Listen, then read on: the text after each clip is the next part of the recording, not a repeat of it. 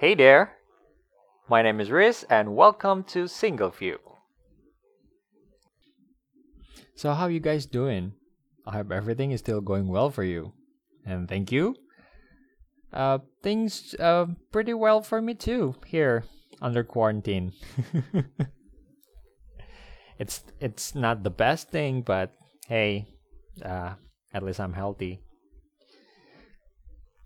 Dan seperti yang kita tahu di Jakarta, uh, umumnya di Indonesia, kita semua masih struggling di tengah pandemi yang sedang berlangsung ini. Tapi ngobrolin soal pandemi ini deh, soal uh, COVID-19. I don't know about you guys, but for me, I stopped following all the news COVID-19 related in Indonesia like from months ago. Gue udah beneran nggak pernah banget update soal corona-coronaan di Indonesia. At least soal berita ya gitu. Cuma bukan berarti gue nggak pernah tahu berita sama sekali. Nggak, gue masih masih tetap ada baca berita. At least gue paling update sesekali aja. Dan itu pun biasanya gue lihat dari timeline Twitter. Biasanya ada uh, orang yang gue follow uh, retweet berita atau enggak gue lihat uh, salah satu berita di kanal berita online. But uh, that's it. Because I'm at this point, I can't see the reason behind it anymore. Gue kayak, what's the point gitu? Iya gak sih? Nah, maksudnya gue gue pengen masihin aja gitu. Ada ada gak sih yang juga uh, sepaham sama gue? At least kayak bingung aja. Ini tuh jadi sebenarnya kita update berita soal corona masih perlu nggak sih gitu? Karena uh, secara pribadi gua ya, gua gua sih ngeliatnya, gua sih ngeliatnya kayak nggak jauh beda gitu berita yang dari dua minggu lalu, tiga minggu lalu, bulan lalu sama kayak sekarang tuh ya gini-gini aja gitu. Ini gua dalam kacamata orang awam ya, gua bukan bukan praktisi kesehatan, gua bukan profesional. Ini gua literally cuma jadi masyarakat, gua lihat dari berita doang. But yeah, that's it. Gue paling sesekali update berita aja, cuma buat pastiin trennya apa masih naik atau udah flat di beberapa daerah atau malah udah turun. Kalian masih ada yang nonton gak sih? Gak, gue beneran pengen tanya aja sih. Maksudnya masih ada yang suka nonton uh, siaran langsungnya tiap hari ya. Karena yang gue bingung gini deh. Ini kita ngomongin ngomongin angka yang kalau kita bisa ngomongin sekarang ya, yang belum turun nih, angkanya belum turun sama sekali. Jadi masih ada penambahan kasus setiap harinya. Either itu di Jakarta atau di kota lain bisa. Coba gue bingung deh. Ini tuh angka beneran cuma disangka angka atau bukan ya? Gue nggak nggak paham aja apakah orang-orang yang ngumumin angkanya ini paham kalau ini tuh ini orang loh gitu. Jadi ini tuh angka nggak cuma sekedar angka. Ini angka itu menggambarkan ini orang nih sekian orang. Jadi yang meninggal itu sekian orang tuh orang gitu. Kemudian yang terinfeksi baru sekian orang itu juga beneran ada orangnya gitu, bukan cuma data doang. Maksud gue, kok gue nggak bisa ngelihat urgensinya pemerintah ya dalam saat ini. Jadi maksud gue, uh, gue ngelihatnya nggak ada perbedaan di saat kita masih under uh, kasus sama setelah di atas seribu kasus. Jadi maksudnya ini beneran orang-orang pada pada pada sadar nggak sih ini sebenarnya tuh beneran ada orang-orang yang dying gitu, ada orang-orang yang beneran uh, apa namanya tersiksa gara-gara corona ini gitu. But gue bukannya bu, bukannya jadi kritik pemerintah aja cuma maksudnya uh, gue sayang aja mereka ini tetap ngomongin uh, ngumumin angka yang udah jelas terus naik tapi mereka terkesan atau at least uh, gue nggak bisa ngomongin buat semua orang nih. At least dari dari pandangan pandangan gue nih sebagai uh, warga warga doang nih masyarakat awam gue ngeliat tuh nggak ada ini nih nggak ada kesan mereka tuh beneran eh ini tuh kita naik terus nih gimana ya? Gitu. Kita harus ngapain nih? Gitu supaya jangan sampai naik naik terus. Soalnya tiap hari kok nggak ada nggak ada penurunan nih malah terus naik. Which is mereka terus tiap hari oke okay, kita naik segini kita naik segini ada lagi penambahan kasus segini dan that's it gitu. At least di mata gue sebagai sebagai warga yang cuma lihat berita doang gue kayak nggak bisa lihat secara langsung uh, mereka apa sih yang yang mereka lakuin untuk bisa benar-benar ngekat ini tuh supaya nggak naik-naik lagi gitu. Dan gue paham, gue paham nih. Sebenarnya mungkin niat pemerintah baik. Di pikiran mereka, mereka pengen tetap nyelamatin gimana kondisi ekonomi Indonesia tetap uh, fine-fine aja, tetap bener, tetap sehat. Tapi di saat yang sama mereka pengen si virus ini juga nggak ke mana-mana gitu, nggak kesebar ke mana-mana, tetap bisa terkonten dengan benar dan sampai akhirnya kita juga bisa lepas dari uh, virus ini di Indonesia. Tapi jadinya setengah-setengah, ekonominya nggak juga terlalu benar dalam tanda kutip ya. Masyarakat juga tetap masih banyak banget yang terkena gitu, ter tertular virusnya gitu. Jadi kalau kalau gue sih ngelihatnya kalau langkah pencegahan yang kita punya aja masih belum bener nih atau belum full, belum penuh, masih terkesan setengah-setengah, ya nggak mungkin dong kita ngarepin tiba-tiba kurvanya turun atau tiba-tiba magically disappear gitu dari Indonesia.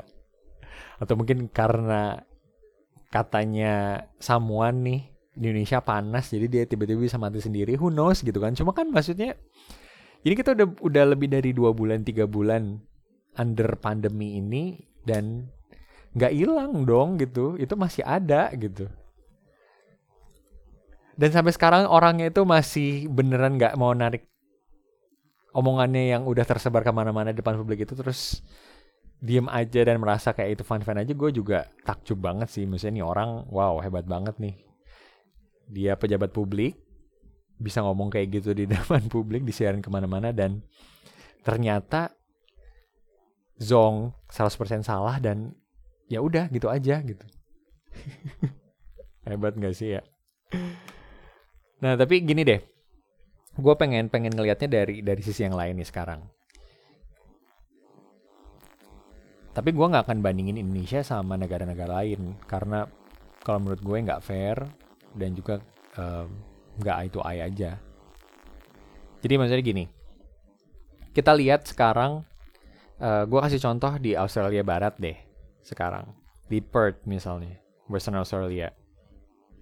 Mereka ketika uh, pandemi ini akhirnya outbreak di mana-mana, di Australia ada, di Indonesia ada, di Amerika dan di mana-mana di Eropa udah mulai kesebar di mana-mana. Mereka akhirnya mutusin untuk nutup border hard close, beneran literally mereka nggak mau terima dari siapa pun. Dari luar maupun dari dalam. Jadi dari dalam sendiri mereka nggak bisa terbang antar wilayah. Di saat yang sama dari luar Australia pun nggak bisa masuk ke Australia. Ada beberapa pengecualian waktu awal-awal dulu hanya warga negara Australia yang boleh masuk cuma ya that's it gitu intinya mereka hard close border nggak ada yang bisa masuk demi mencegah penyebaran virus corona di dalam uh, Australia Barat itu sendiri Terus ada yang komen kan, ya kan Australia negaranya negara maju, jadi mereka sih fine-fine aja. Nggak gitu, nggak gitu juga. Mereka tahu ketika mereka hard close bordernya akan ada konsekuensi yang besar untuk perekonomian dalam negeri.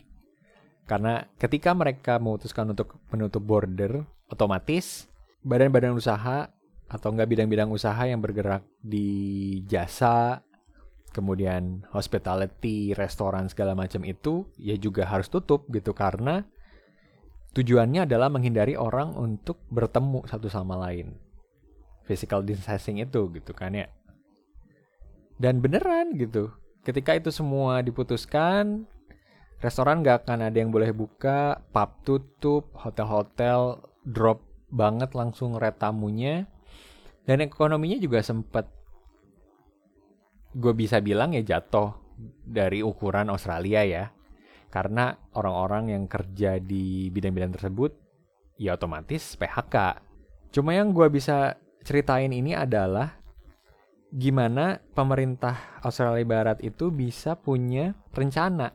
Mereka punya plan tersendiri untuk oke. Okay, kita sekarang ngadepin pandemi, oke, okay, pokoknya pertama tutup dulu bordernya. Oke, okay, kita tutup border dan apa yang terjadi? Oke, okay, perekonomian kita down, jatuh. Oke, okay, fine. Sekarang ini yang harus kita lakukan. Ketika gue gua lupa nih, kalau nggak salah sekitar uh, satu bulan setelah mereka tutup itu, orang-orang kan udah banyak di PHK nih, banyak yang udah nggak punya kerjaan, nggak punya penghasilan bulanan. Akhirnya mereka, oke, okay, fine. Gara-gara uh, kita tutup perekonomian, uh, kita kasih stimulus buat orang-orang yang terefek soal corona. Dari stimulus uh, dikasih biaya untuk makan, dan pemerintahnya pun aktif untuk uh, ngasih edukasi ke semua pihak penyedia jasa. Contohnya terutama yang punya apartemen atau yang punya rumah kontrakan, para landlord gitu-gitu ya, eh, penyedia jasa misalnya listrik segala macam gitu-gitu. Dikasih pengertian bahwa hey, ini kita lagi kondisi pandemi loh gitu dan banyak warga yang menggunakan jasa kalian itu sekarang nggak punya penghasilan dan nggak bisa bayar. Coba tolong kalian kasih keringanan atau at least kalaupun kalian nggak bisa kasih keringanan, tolong jangan ditagih di bulan ini gitu. Mungkin tagihkan di bulan depan. Dan itu beneran dilakukan gitu. Akhirnya banyak ba banyak para landlord dan juga banyak tenannya yang dibebasin. Oke, okay, fine. Untuk bulan ini kalian nggak usah bayar dulu. Tunggu sampai bulan depan atau enggak at least tunggu sampai kalian udah bisa punya penghasilan lagi dan bisa bayar gitu.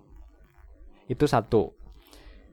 Kemudian selanjutnya si pemerintah ini juga bisa lihat oke okay, setelah ini kayaknya kita lihat nih trennya apakah kita sudah bisa berhasil turun atau masih naik? Kalau masih naik oke okay, kita lanjutin tutupnya. Kalau misalnya udah mulai turun oke okay, kita mulai buka ekonomi nih kita mulai naikin lagi. Sekarang mana dulu yang harus kita duluanin? Misalnya oke okay, industri soal um, energi misalnya perminyakan pertambangan seperti itu misalnya ya. Itu dulu yang masuk boleh buka duluan. Jadi orang-orang yang kemarin PHK di bidang itu bisa mulai kerja kembali. But that's it gitu. Setelah itu mereka lihat lagi. Oke okay, kita lihat lagi nih setelah sebulan. Oh ternyata udah mulai turun lagi. Oke okay, kita berarti bisa mulai buka lagi nih. Oke okay, sekarang kita buka buka hotel dan buka restoran dengan catatan maksimal sekian orang gitu. Dilihat dan dan itu itu tuh maksudnya itu yang gue pengen lihat dari pemerintah Indonesia gitu. Jadi maksud gue, gue nggak minta Indonesia niru plek-plekan gimana cara negara lain atau negara maju melawan corona atau enggak gimana cara mereka mengatasi pandemi dalam negerinya sendiri karena itu beda, totally beda banget. Dan gue nggak bisa bandingin karena satu negara maju sama Indonesia bukan negara maju. Kedua, kebanyakan mereka e, negaranya sistemnya udah interconnected, jadi maksudnya udah sentral. Di Indonesia kita lihat aja semuanya pulau yang terjadi di Jakarta belum tentu terjadi di Kalimantan. Bahkan yang terjadi di Kalimantan belum tentu lagi terjadi di Papua misalnya. Secara geografis jauh beda banget dan gak bisa disamain. Tapi itu gitu, maksud gue tuh masa iya harus harus ini harus warganya yang mikirin gitu kan ya maksud gue gue gue nggak habis pikir deh maksud gue yang di parlemen itu mereka mereka ini yang pinter ya yang punya jabatan-jabatan menteri segala macam itu ya kok nggak bisa kepikiran sampai sana gitu. Dan hey nih gue uh, gue pengen ngingetin lagi nih. Kalau kita lihat ke belakang lagi nih ya kita kita balik deh sekitaran lima bulan ke belakang. Indonesia ini sebenarnya termasuk negara yang paling belakang banget terkena efek pandemi. Pada nyadar nggak? Di saat Cina udah kelimpungan, Korea udah kolaps, kemudian Amerika juga udah mulai ke mana-mana, Itali, negara-negara di Eropa segala macam itu udah kayak mulai, wah kita udah nggak bisa banget, udah udah over capacity hospitalnya, kemudian juga uh, death rate-nya udah tinggi-tinggi banget gitu. Indonesia tuh masih ya tahu sendiri lah ya, uh, udah sombongnya udah paling depan kali, udah udahlah gitu Indonesia nggak akan kena virus karena negaranya tropis dan kita itu sebenarnya punya waktu banget untuk bisa lihat negara-negara ini tuh ngapain aja selama mereka terkena pandemi itu kan ya. Dan kita udah dikasih waktu dengan jadi yang paling belakang terkena dan paling belakang nyadar soal pandemi ini. Tapi ya kok nggak belajar dari negara lain sih. Dan bukan bukan artinya kayak tadi yang gue bilang, gue bukan gue bukan berharap Indonesia nyontek plek-plekan nih cara negara-negara lain uh, mengatasi pandemi. Cuma gue tuh cuma berharap Indonesia tuh lihat, oke okay, misalnya dari Italia yang diambil adalah ABCD. Oke. Okay. Terus kita lihat South Korea yang tadinya dari jadi epicentrum dunia tiba-tiba mereka bisa hilang sekarang gitu. Jadi bisa mengatasi pandeminya cepat banget. Oke, okay, kita lihat uh, yang poin pentingnya apa ABCD juga oke. Okay. Terus kita ke Australia sekarang gitu dan New Zealand. Mereka bisa mengatasi dengan baik banget kalau kata gue wah well done banget lah Australia New Zealand. Itu apa gitu? Dan itu yang yang mereka harusnya diskusiin loh di di di pemerintahan. Jadi maksud maksud gue entah di gedung putih atau di mana terserah di parlemen itu uh, mereka ngobrol eh, ini loh dari negara A negara B negara C begini begini begini. Sekarang kita lihat Indonesia challenge-nya apa mana yang bisa kita aplikasikan, mana yang enggak gitu. Dan gue paham nih orang-orang ini dong yang tahu harusnya kemampuan ekonomi Indonesia gimana, terus juga challenge-nya apa gitu, mana yang bisa di, diambil, mana yang enggak gitu. Cuma kok maksudnya ih pada ngeyel amat sih pada pengen bikin program sendiri tapi juga nggak tepat sasaran kalau kata gue jadi jadinya blunder banget kan gitu kan gue rasanya tuh gue kayak udah capek marah sih sebenarnya gitu gue uh, apa namanya mau emosi tapi juga gue tahu kalau gue emosi doang tuh bakal capek sendiri karena ya that's it gitu kayak nggak akan ke mana-mana. Jadi jadi mohon maaf aja ya yang dengerin mungkin ini salah satu media untuk gue bisa ngelampiasin apa yang gue pikirin selama ini. Tapi ya gitu gitu. Gue heran aja kok Indonesia dengan waktu segitu masih aja sih susah amat gitu. But anyway Lu masih pada stay at home gak sih? Atau udah pada mulai kerja di luar? Atau masih pada kerja di rumah nih, working from home? Soalnya gue ngelihat Jakarta saat ini udah mulai masuk ke masa transisi dari awal bulan Juni kemarin ya. Dan rasa-rasanya gue yakin banyak yang udah mulai kembali kerja secara normal. Which is back to office, uh, back to the workplace, and so on gitu. dan aktivitas jalan terakhir gue lihat Jakarta juga udah mulai rame gitu udah nggak udah nggak kayak waktu awal-awal apa namanya PSBB yang sepi banget jalanan Jakarta ya lumayan sepi gue sih sekali ngingetin aja ketika kita sekarang masuk masa transisi jangan sampai lupa untuk terus ikutin protokol kesehatan yang udah diberikan which is itu dari terserah itu dari Kementerian Kesehatan dari kantor kita sendiri atau bukan dari uh, eh, RT setempat mungkin gitu. Intinya semua protokol kesehatan yang diberikan ke kita sebelumnya yang udah berada di masyarakat sekarang tolong gue sih berharap kita semua masih tetap kuat untuk ngikutin ya. Jangan sampai dengan embel-embel transisi kita udah mulai oke okay, gitu fine udah mulai masuk new normal. Nah ngomongin new normal nih gue jadi inget sesuatu. Gue tuh bingung ya gue bingung sama sama orang Jakarta terutama. New normal ini sebenarnya mereka paham gak sih maksudnya new normal tuh bukan artinya normal baru sekarang tapi terus bisa sama normalnya kayak sebelum pandemi. Cuma kayaknya gue gak yakin banyak yang paham kalau new normal ini maksudnya kenormalan baru kenormalan bentuk baru di mana kita mengaplikasikan protokol kesehatan di dalam kenormalan baru ini gitu loh maksudnya. Karena ketika embel-embel tagline new normal ini udah disebar nih, jadinya tiba-tiba gue sempat pernah lihat di beberapa jalan protokol di Jakarta udah banyak anak-anak yang ngumpul gitu ya tanpa masker pun gitu. Kafe-kafe udah mulai rame lagi, udah banyak yang hangout di luar. Malah ditambah sekarang sepedaan dong kan ya.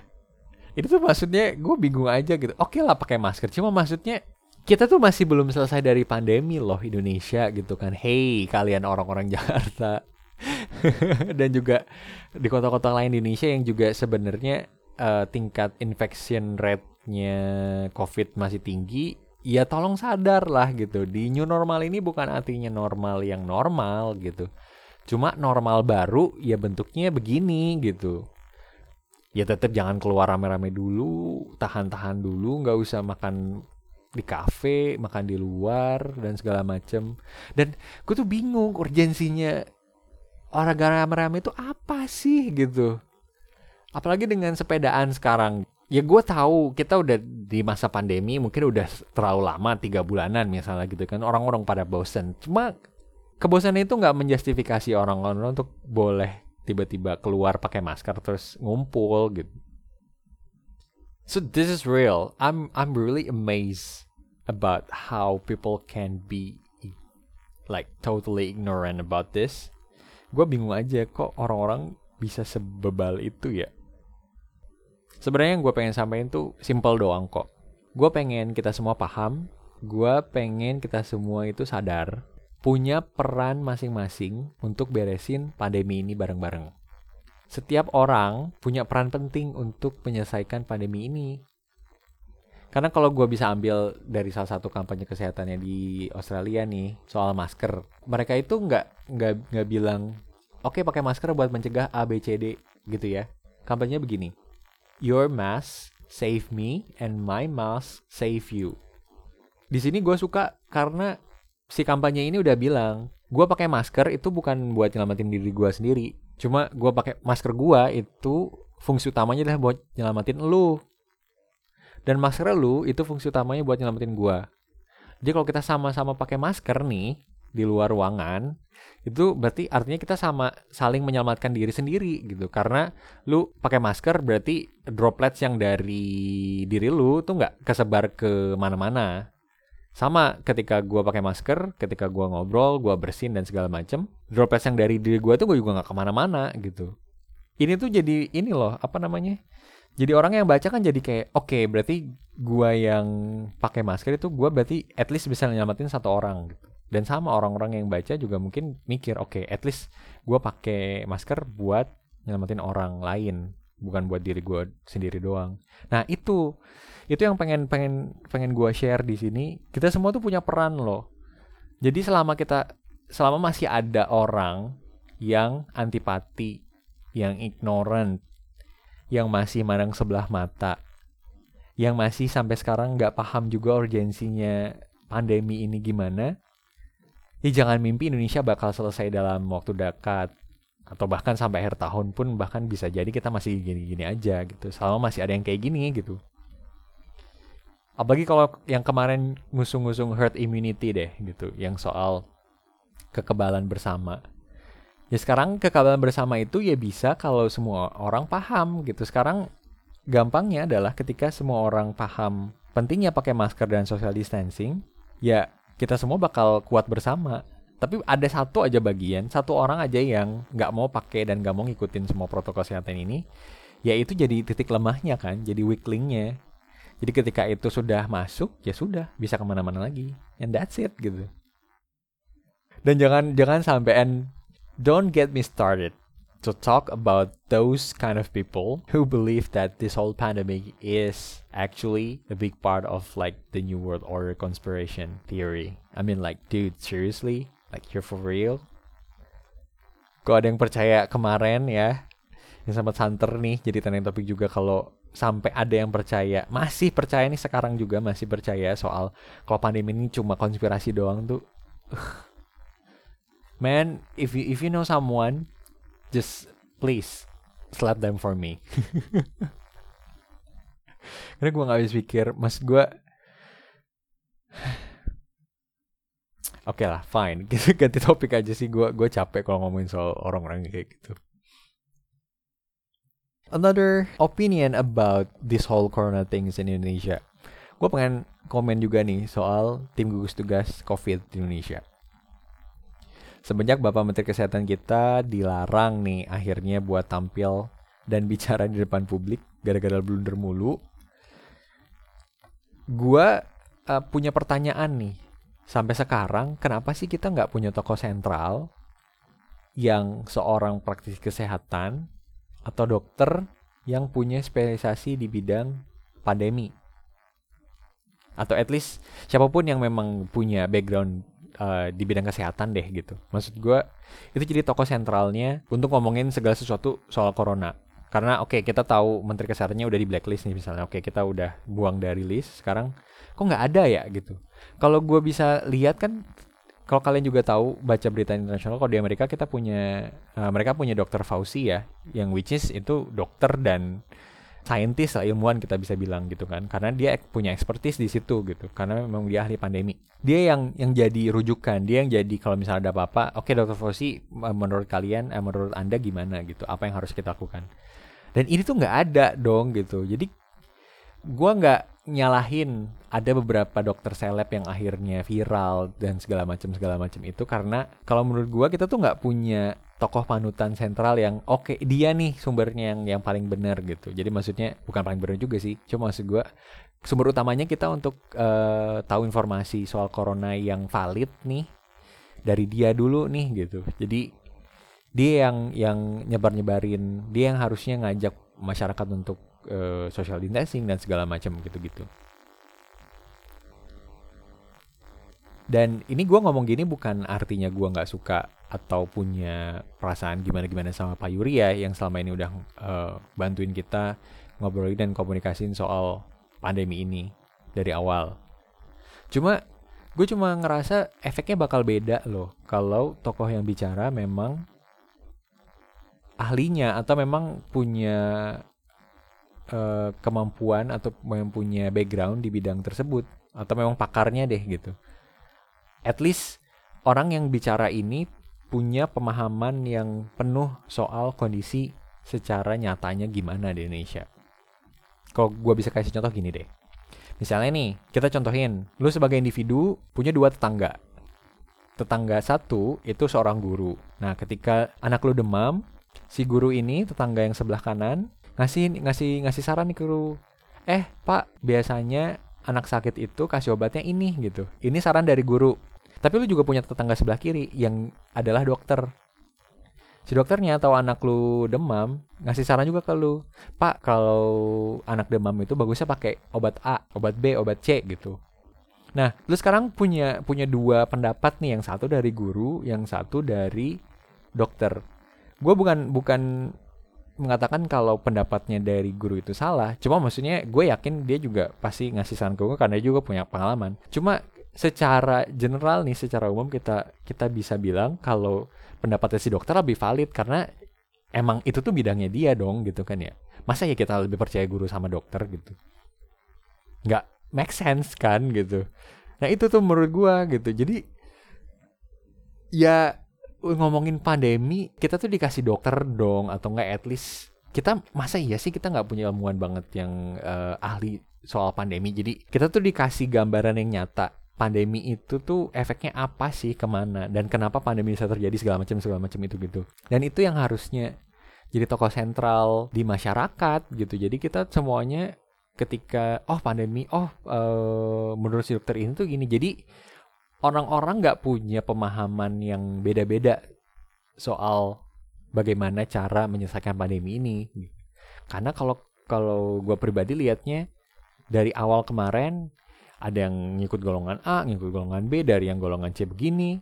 Tiba-tiba nanti ada yang muncul, oh enggak kita pakai herd immunity. Nanti yang satu, oh nggak bisa herd immunity karena gini karena jadinya ini kok gini-begini amat sih gitu kan. Jadinya tidak terarah gitu. Pansen aja nggak um, apa namanya agak susah untuk ngebenerin dalam tanda kutip atau nggak ngarahin masyarakat ke mana-mana karena emang fokus kita dari awal udah eh, nggak uh, satu. Dan belum lagi kalau sekarang gue ngomongin nih di acara uh, siaran langsungnya untuk apa namanya siaran langsung uh, soal update pandemi ini, update corona, gue dibikin tambah bingung soal tiba-tiba muncul banyak gestar yang bukan praktisi kesehatan atau nggak ada hubungannya sama sekali di bidang pandemi. Salah satu contohnya adalah tiba-tiba muncul motivator yang dibawa-bawa ke dalam siaran persnya. Dan di situ dia bilang, oh oke okay, fine, uh, ini di tengah pandemi kita harus tetap positif. Ini, ini, ini harus kita lakukan ya biasalah ngasih jargon-jargon yang ngasih pesan-pesan motivasi supaya orang-orang tetap positif harapannya, niatnya, tujuannya. Padahal sebenarnya kita paham dong, positivity yang berlebihan di tengah kondisi kayak gini tuh malah sebenarnya lebih bahaya daripada orang-orang yang lebay atau orang-orang yang terlalu negatif atau yang terlalu parno kita bisa bilang. Karena di tengah pandemi gini mendingan lu jadi parno banget, super parno sampai takut tertular Karena ketika lu takut begitu, lu malah jadi lakuin physical distancing bener. Ke mana-mana pakai masker nggak mau dilepas bahkan gitu. Dan lu masih menganggap gue kalau misal keluar penting nggak? Gue perlu apa gitu? Apakah hangout itu masih perlu? Apakah olahraga bareng-bareng sama temen itu perlu? Kalau nggak, nggak. Gue nggak mau dulu. Gue masih tetap uh, bisa lakukan semuanya sendiri atau nggak? At least gue tetap di rumah gitu, cari yang lain. Iya gak sih? Mendingan gitu kan daripada sok-sok positif kayak ah enggak, gue masih muda, masih sehat, kesempatan gue atau enggak chance kemungkinan gue untuk terkena virus lebih kecil gitu daripada yang udah tua-tua dan punya kondisi uh, kesehatan tertentu atau pre-existing condition. Ini kan malah jadi bahaya dong. Gampangnya tuh pengen ngomong gini deh, lu kalau pengen mati, lu mati sendiri aja gitu. Tapi jangan ngajak-ngajak. Maksud gue bisa nggak lu kalau misalnya nanti lu ketular sama virusnya, lu diem sendiri mati sendiri gitu. Jangan sampai lu nularin ke orang lain. Kalau misal lu bisa jamin kayak gitu nggak mau apa apa uh, eh, gue that's it gitu. Gue nggak pernah protes kalau misalnya mau keluar keluar cuma kalau sampai lu tertular virusnya lu terus masih ke mana-mana lu nyebar nyebarin ke mana itu yang jadi masalah buat gue gitu. Karena artinya lu ngajak orang mati men. Nggak mau mati sendiri lu. Gampangnya kalau gue kasih bisa kasih pengandaian lagi gini deh soal soal orang-orang kayak gini ya. Kenapa gue bilang positif yang berlebihan itu nggak bener di tengah kayak gini? Contoh sekarang bayangin lu punya pasangan. Terserah mau pacar mau istri mau suami terserah. Intinya lu punya pasangan nih. Nah lu dengan pasangan ini punya masalah.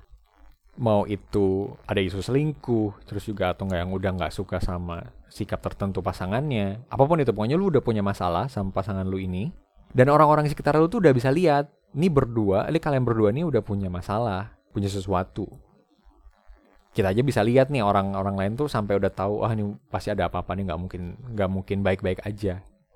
Cuma kalian berdua itu masih somehow tiba-tiba oh enggak kita tuh baik-baik aja kok. Ini kita masih fine. This is this is nothing. We're okay. We're perfectly fine. We're happy with each other. Kan tuh kayak denial gitu loh. And that's some BS talk right there. Karena orang-orang yang kayak gini itu beneran cuma it's just another time bomb waiting to explode. Ini cuma bom, masalah bom waktu yang entah kapan kita nggak tahu kapan meledaknya. Karena bukan malah sadar dengan masalahnya dan mencoba untuk mengatasi, mereka semua nganggap ini semua, oh fine, gak apa-apa, ini mah bukan apa-apa, ntar juga lewat sendiri gitu, fine. Well, yeah, screw you man. dan terakhir nih, terakhir gue pengen uh, ngomongin soal the whole corona thing is in Indonesia satu lagi bear with me. Gue tahu ini kadang-kadang uh, mungkin cukup apa namanya bikin emosi atau enggak bikin bikin kesel triggering atau enggak ya apa pun itu emosi yang lu munculin ketika lu dengerin ini cuma bear with me. One more to go. Jadi ada satu lagi. Uh, ini gue masih masih masih masih disclose lagi nih ya gue masih bilang lagi. Gue nggak pernah update berita soal corona di Indonesia Cuma lagi-lagi kadang berita berita berita terbaru soal corona itu muncul di timeline gue entah karena ada temen gue yang follow atau kadang-kadang gue di tag sama teman-teman gue eh lu tahu ini nggak? Lu tahu ini nggak? Gitu. Nah untuk berita yang satu ini sumpah ini gue sampai sekarang gue ngomongnya agak-agak gimana gitu. Dan ketika gue lihat beritanya dan gue klik gue baca beritanya this is real gue udah pengen kabur banget ke dunia paralel aja kayaknya. Udah kayak man can I leave this world right now? I mean take me somewhere out from here.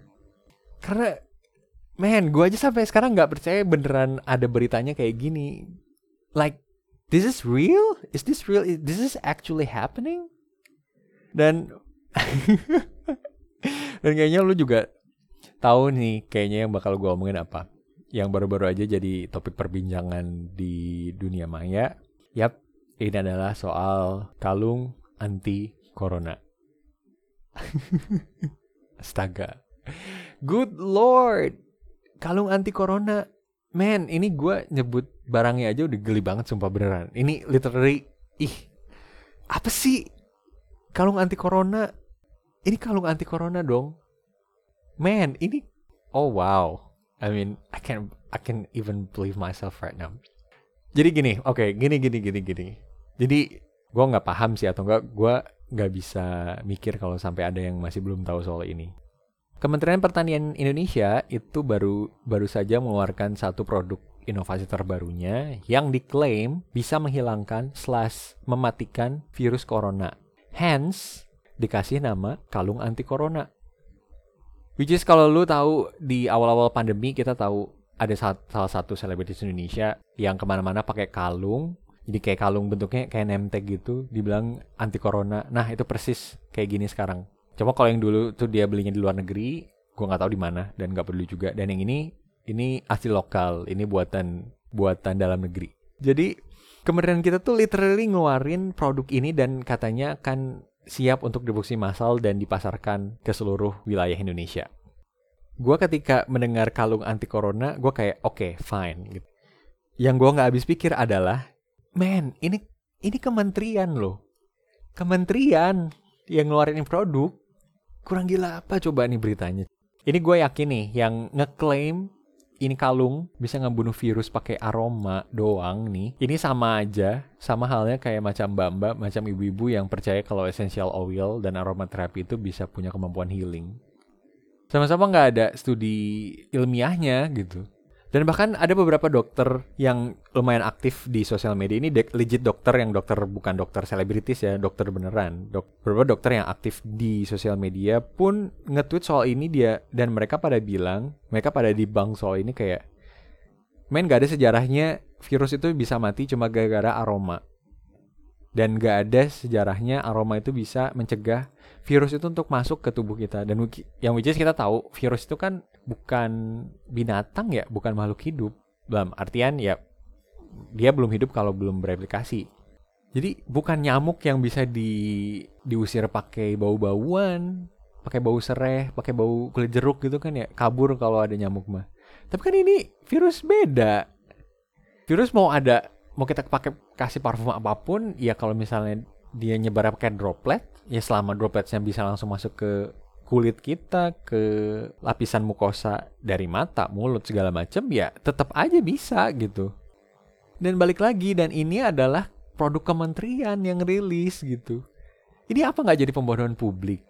Iya gak sih? Maksudnya kalian bisa sama-sama paham maksudnya kebodohan yang hakiki ini gak sih? Maksud maksud gue ini gue yang nggak ngerti. Jadi gini, gue gua gue sih lebih memposisikan diri gue oke okay, anggaplah gue nggak ngerti apa apa soal soal uh, biologi soal medis soal uh, herbal tanaman bla bla bla ini gitu maksudnya gue bener literally uh, masyarakat biasa doang yang cuma oke okay, ini ada apa nih produk baru ini gue yang yang pakai pikiran awam aja gue kayak hah Is this real? Seriously? Ini kayaknya nggak mungkin banget deh. Cuma gara-gara lu pakai kalung yang ada yang ngeluarin aroma kayak minyak kayu putih gitu terus tiba-tiba lu jadi sehat anti virus gitu-gitu kan nggak mungkin dong gitu.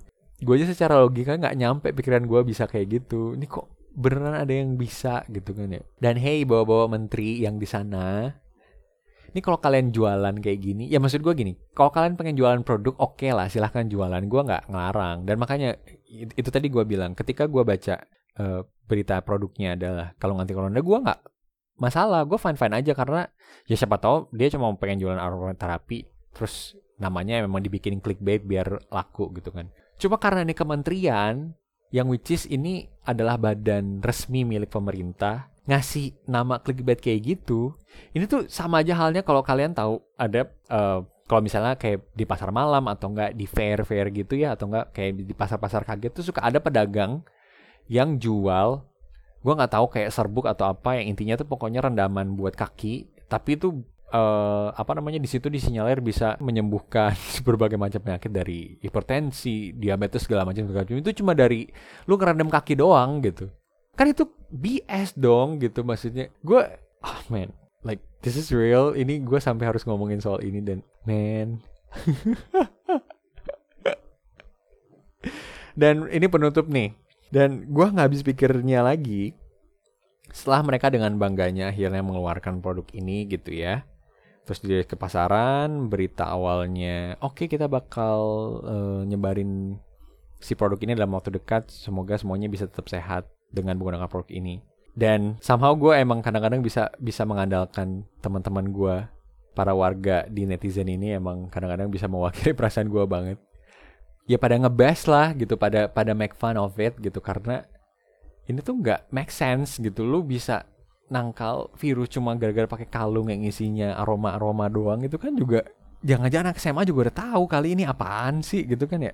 Nah jadi ketika mereka banyak banyak dapat best mungkin banyak dapat tertawaan publik jadi bahan lelucon gitu-gitu mana-mana jadi jadi masuk meme banyak variasi meme terinspirasi dari kalung anti corona dan banyak banget macamnya silahkan kalian cari sendiri di sosial media. Dan akhirnya ini hari ini nih di di salah satu akun uh, resmi milik pemerintah juga akun officialnya mereka mereka tuh bikin postingan instastory yang isinya salty. Isinya tuh mereka baper gara-gara di ini diketawain. Isinya gini nih uh, gambar si kalung anti corona ini si sachetnya itu si kalung gantungannya. Di situ captionnya adalah inovasi bangsa sendiri kalian bully, jualan negara lain kalian beli dan diam. gue langsung cie, ada yang baper nih, ada yang baper gitu.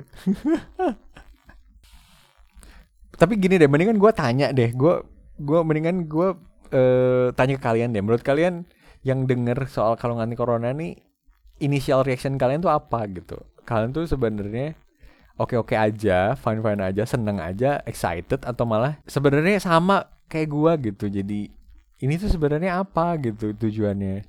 Gue penasaran aja apakah emang cuma gua nih yang yang ngerasa kayak gini atau emang sebenarnya banyak juga yang sepaham atau enggak at least sepemikiran atau seide sama gua soal the whole covid things in Indonesia. Let me know ya. Jadi uh, silahkan aja langsung komen lewat sosial media gue yang nanti gue bakal posting di description podcast ini. ini gue capek kayaknya udah ranting malam-malam kayak gini. gue ngerasa kayaknya ngomongin ngomongin ini tuh bakal nggak ada habisnya karena ada lagi.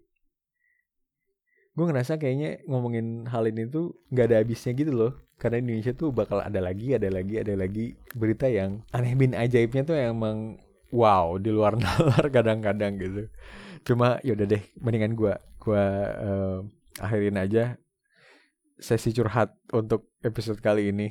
Kalau gitu Riz pamit. See you next time and bye